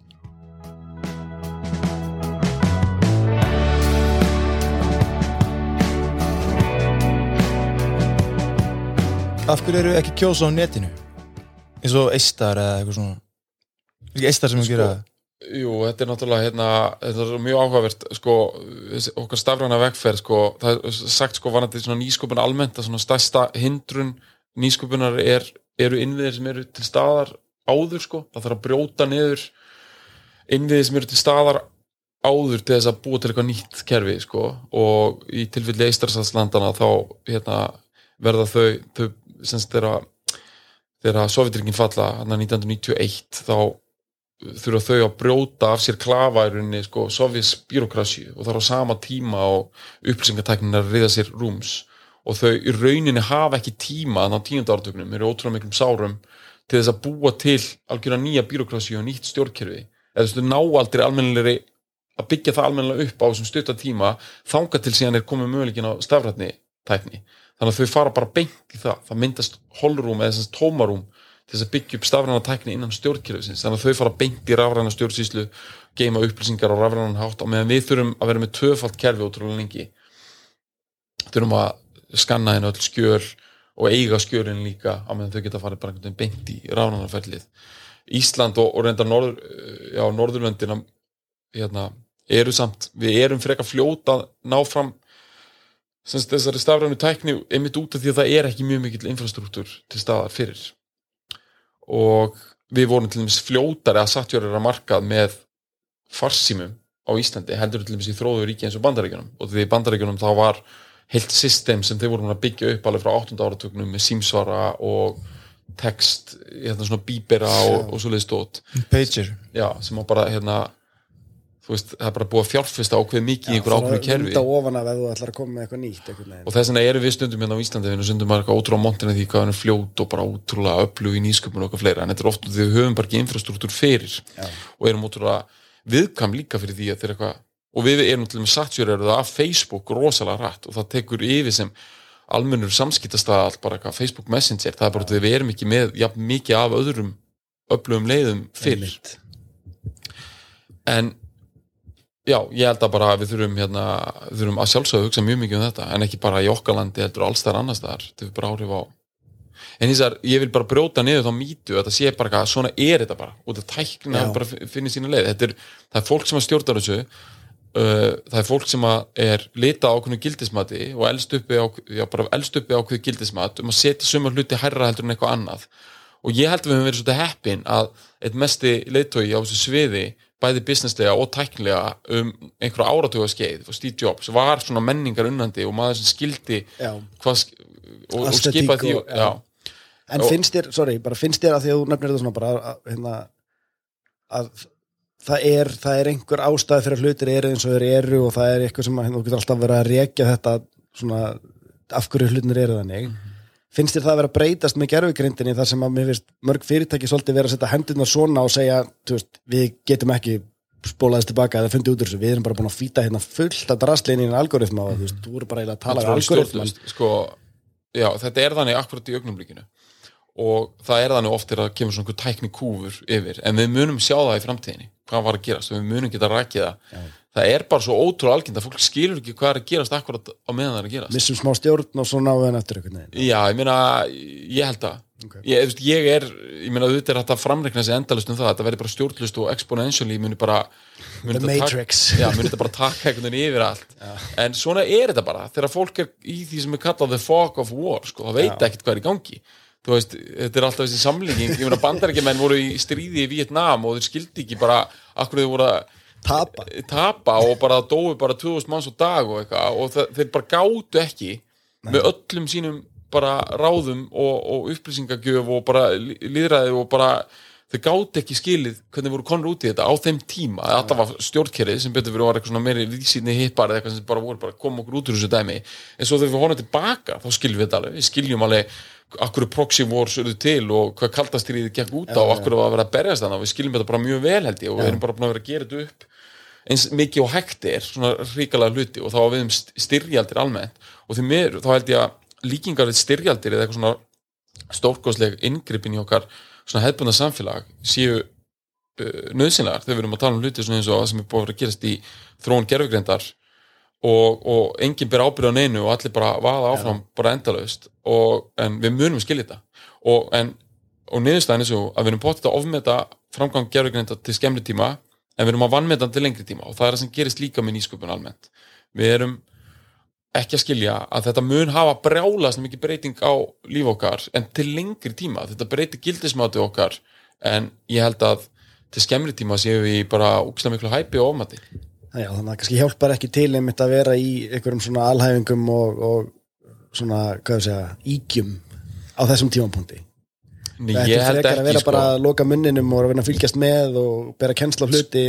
ég held að maður svona þurfi náttúrulega að finna einhvern svona traksjón til þess að byrja að tala um hluti en hérna, ég er mjög mikið að pæla í þessu núna af því að sko, ég vil meina að ég var að, þetta er náttúrulega bara maður verður náttúrulega bara að hafa einhverja skoðun maður getur ekki alveg, en þú veist það er allir svo hrættir við að vera on the wrong side of history. En þú veist, ég skrifaði grein um daginn sem að var hérna byrjast í heimildinni af því ég er svolítið að pæla í þessu og svona svolítið að pæla í narratífunni og, og retoríkinni í kringum, kringum umræðina á þessu. Það sem ég vil meina að sagt, heimsenda pælingar í tengslu við gerfugreind séu í rauninni þær eru alveg góðra gjald að verða á ákveðnu leiti, ég er ekkert eitthvað að ignora þær, þær, þær, þær eiga heima einhverstaðar og, og, og ég held að bara stjórnmálafólk og bara þjóðarörgisráð heimsins eigi alveg að vera leið, skilur einhverju existential threat vanandi gerfugreind við eigum ekki að ignora það. Hins vegar held ég að það sé mjög slæmt ef það er það eina sem kemst af annars vegar heimsendaspár og hins vegar eitthvað eitthvað ógeðslega superficial drastlum það hvernig þú getur eitthvað kift og selt einhverja stereoskó hraðar með aðstofgerðagrindar að því að þarna á milli er náttúrulega svo ótrúlega mikið af bara einhverju juicy dóti sem að mun raunverulega hafa áhrif á líf okkar og er alveg örugt að mun hafa áhrif á líf okkar. Og að það hendi í rauninni svona þeim sem er að stýra þessu því ég tróði raunverulega að þessi margir með meiri stjórnvöld heldur en það lítur út fyrir akkurat núna að allir séu bara alltaf að tala um heimsendi í tengslum við þetta út af því að þá er miklu þægilega fyrir e, e, automationið og, og sjálfurknumæðinguna að vera til það sem henni ríku vera ríkari og svo framvegis. Þetta er svolítið kannski þá bara framhald á því sem er búið að vera í gangi í heiminum þá. Bara þessi polarisering, sko, þú veist, og það orðið mjög ofnotað en svona, þú veist, Já, að það sé alltaf bara hægt að vera á sikkur mendanum og það er það besta fyrir þá sem að eru þá við stjórnmálinn hverju sinni. og það krefst hún ákveðins aga og fókus sko, að reyna að vera einhvern veginn á miðjunni og talandi þá, bara að leið inn á hérna, líka ástæðan fyrir verið mynd í dag er sko, þessi plata var að koma út með hipsum hafs, nei og alveg og við vorum að tala um, um formutinu og hvað hann á að koma Já, já. mér finnst ekki neitt rosalega er þetta skilgruna hvernig þetta er, þegar fyrir mér er þetta popmúsík Já. sem að mér finnst þetta jákvætt fyrir bæri og mér hefur alltaf fundist það með einhverjum undatekningum, er náttúrulega stundum er pop bara eitthvað stundum er farið oflant í, í fróðulutunum en pop kemur náttúrulega frá hugmyndur um, um fjölda, þetta er fjöldatónlist og, Svo og svo fyndið, því að ég er nú að hlusta bara á það sem er skilgrænt sem rock. Og er með á mútbortum fyrir þetta Þú veist, því að ég sko þurfti að googla bara svona ég kann ekki setja puttan á þetta bara, veist, lagðina sem heitir bara Skermus, ég bara svona ok, þetta er svona pínu bara Van Morrison Into the Mystic, eitthvað svona vibe. Já, og googlaði það. já, finn genreaði, it's rock. Og ég bara, ok. Já, ég ætla bara að rúlla með því. Já. ég get til í að þetta sé rock. Já ég, ég Sjálfsmyndar, sjálfsmyndamálinn komin aftur inn greinlega. Já, nei, líka sagt að sko þetta er ekki algjörlega sko uh, talandi um svona hugtök líka. Sko pop og rock er náttúrulega að hluta til þú veist, þú fer inn í blödubúið eða fórst inn í blödubúið í Kanada þegar það voru til. Þannig náttúrulega í skilálega þú getur haft þetta sem svona Aðskilda- pa- já, svona eitthvað, þetta er pop og þetta er rock. Hins vegar vil ég meina að þetta sé ekki alveg þannig hugtök sko, það er að segja rockmusík, salsamúsík eða bara allt mögulegt, getur verið popmusík og það hefur miklu meira að gera með framsetningu og ákveðna svona áferð, ofta á rauninni bara hvernig hún er pökkuð inn og hvað hún er spiluð og, og fleira. Frekar heldur en að það sé einhvern veginn í eðli einhvers að það sé Pop er svona frekar- pop skástrík eitthvað svona meiri skilgerning þannig að poppi getur verið sko.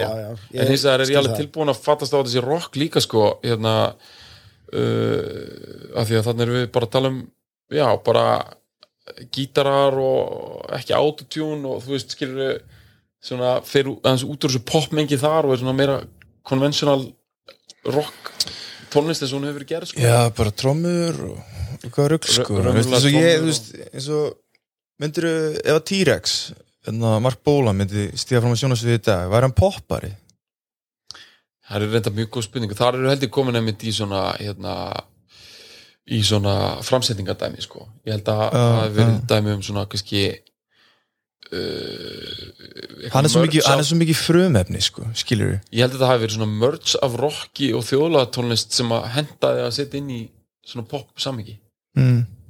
ef maður á að fara í eitthvað svona algjört eitthvað svona sjanræ fyllir Já, skemmtilegu partileikur en, hérna, en ég held alltaf með rocki sko, að ég vil meina hérna, saga rocksins. Og, hérna, og hvernig rock kemur á sjónasviði á sjötartunum það sé, það sé the greatest story ever. Fólk var bara á leiðinni inn á aðra vitt á þessum tíma. Bara eins og þegar bítlandir er að stopna Apple, þá er það ekki bara að hugsa um það að við ætlum að gefa út músík þú veist, þeir eru með hana Magic Alex, hana Gríkjan sem er Já. að búa til einhverjar, einhverjar hljóðfæra smíði einhverju hljóðfæra smíði og alltaf bara komast inn aðra vítir því þeir eru bara að sjá það mikla þróun að fólk er komið fram úr sér það gerist alltaf. Og þess vegna vil ég meina að fólk sé líka komið fram úr sér líka við margt sem var að snjáltækni, samfélagsmiðla og jafnvel gerfigrind líka. Fólk fer alltaf aðeins fram úr sér þegar það sér alveg brjálaðislega mikla framfærar á stuttum tíma. En þessar þjóðfélagsbreytingar eru ótrúlega miklar sem að eiga sér stað á þessum tíma. Uh, ég hérna, veit samt hvar maður á að fókusera sko, þegar kemur að þessum hlutum sko, og hérna það sem að má ekki gleymast er að sko rockið ef við notum það sem samnefnara yfir þessa miklu tónlistarbyltingu og það fylgur bæði, bæði í sér sko rock fylgur, hérna saga rocksins fylgur ótrúlega margt í sér, hún fylgur í sér sko það sem að músík transcendar kynþætti. Hún fer frá mismundi þjóðfélagshópum. Hún smígur í gegnum valdamúra sem hafa að gera með svona globaliseringu um austur og vestur, hún smígur í gegnum allt.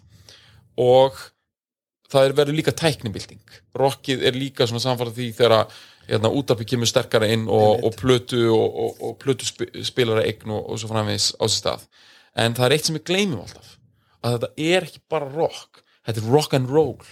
Og það er setni hlutin sem að gleymist og hann hefur gleymst nema kannski einstakar sem ég á buppa og vonandi kannski á þig líka það er þetta end roll sem skiptir öllu máli. Og ég hef hérna, skrifað um það, haldið fyrirlestur en þetta bara þessi orð og roll, þetta er vagg og velta.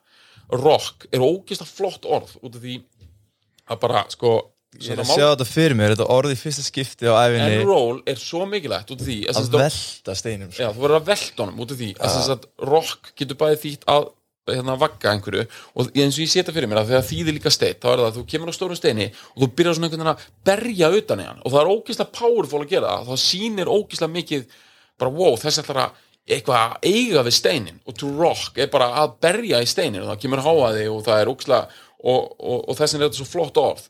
En þetta endar svo oft í því að fólk er bara að gera það og það er það sem gerðist í rocktónlist á áttunda áratögnum og þú veist, meira þess að bara Led Zeppelin og bara þessi stóru bönd, þetta endaði einhvern veginn o- oft í einhver svona yðnaðar hjakki. Ok, Led Zeppelin kannski ekki besta dæmi en alls konar önnur rockbönd og á nýjunda áratögnum var alveg potið og svo þarf alltaf einhver að koma fram með einhverjum millibili sem bara man, þetta er ekki bara to rock, þetta er to rock and roll. Þú verður að gera það líka.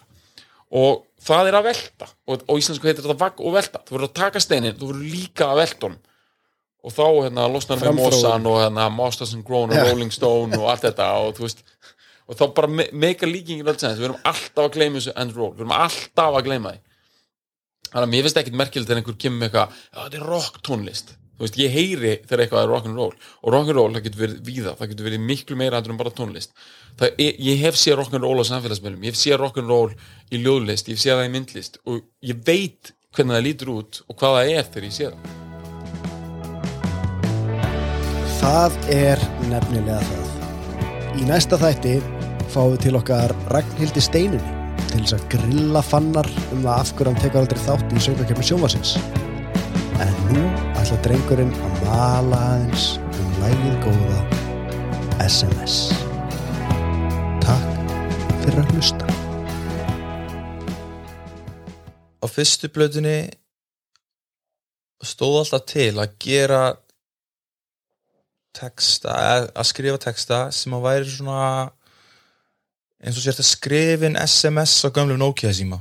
Bara það sem að þú veist, þú ert bara með hvað ég segja keypad tölustafi á símanum og þá er það íta, íta þrísvar og þrjá til að fá stafin F.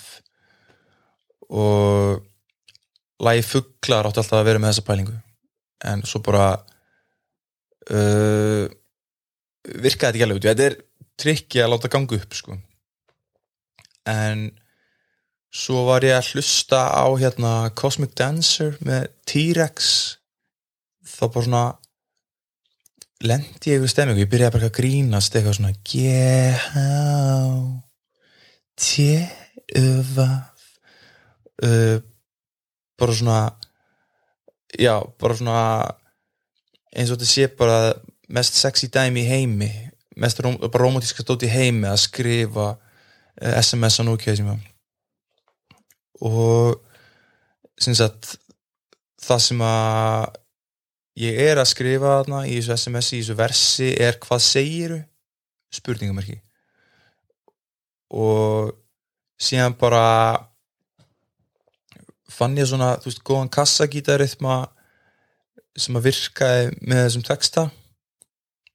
Og já, var bara svona kassagítar, trommu, bassalag uh, rosalega sáttu með það. Síðan fyrir að taka upp. Og þá aftur verður þetta bara eitthvað svona allt annað dæmi. Um, eins og ég hef kannski sagt áður þá er ég ekki tæknilega besti eða veist, ég er jáfnvel bara ekki tæknilega góður tónlistamæður og þú veist allt þetta hipsmápsdæmi er þú veist ég fæ fólk með mér í að lifta öllu sem ég hugsa upp á næsta plan í framkvæmt þetta er bara, þú veist ef að ég var að spila á þessi hljóðfæri öllum stundum að þá myndi þetta bara vera ná x langt og taka viðbjóstaða langan tíma og bara já, veist, ég hef ekki þú veist, fólki sem ég er að vinna með bara, þú veist fekk fyrstu hljóðfæri sín 6 ára og eru búin að fara ekki um öll stíin og bara eru svo fáránlega hæfileikarík. Og þegar maður setur þú veist, upp eitthvað svona lag uh, inn í stúdíu með þessu fólki að þá verður þetta bara allt annað dót sko. Og ég vissi bara að mér langa að heyra uh, einhver svona strengja vel á þetta. Og þetta lag ætti að vera svolítið kyrt áfram á svona góðri trommuvinnu. En síðan bara þú veist ferit allt vonum framar. Og mér finnst þetta að vera mjög mikið trommulag uh, allt sólóið er líka þú veist ógíslega krúsjál tímpútur í bara trommurnar í sólóinu er ekki, þú veist, þegar ég segi sóló það er gítalína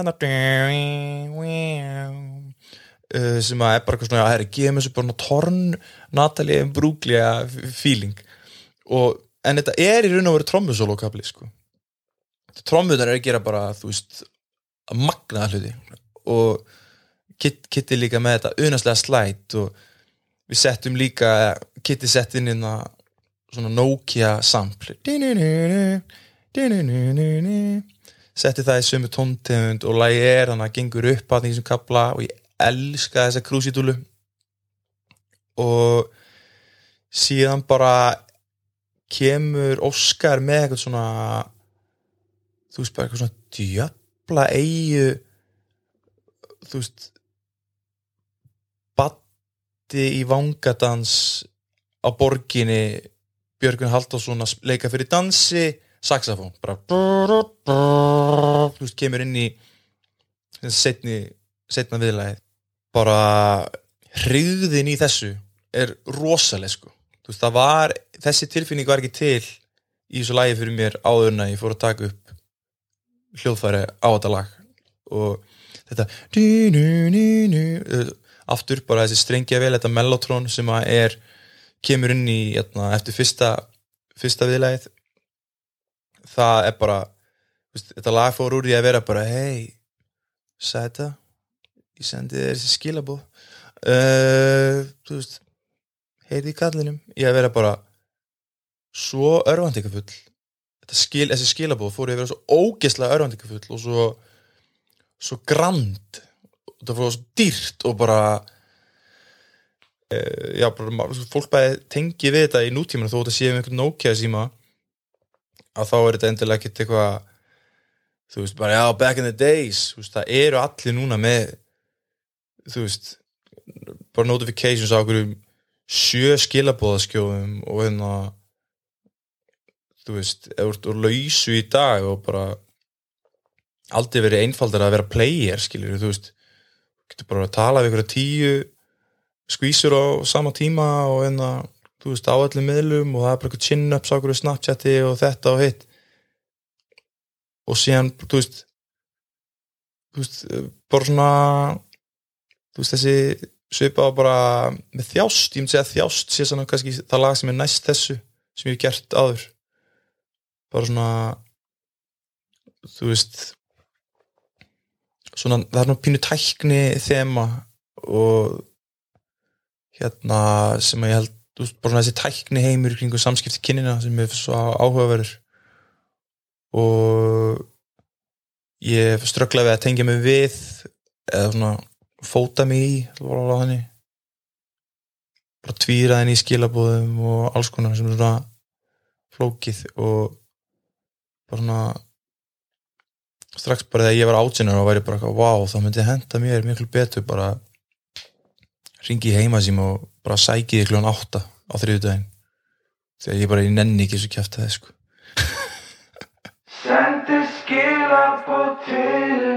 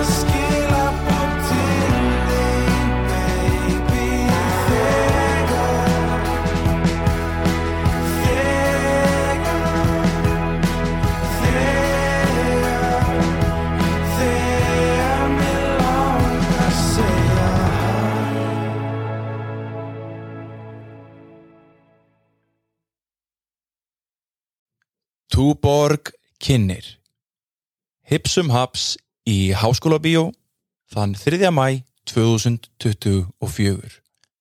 Miðasala er farin af stað á tix.is.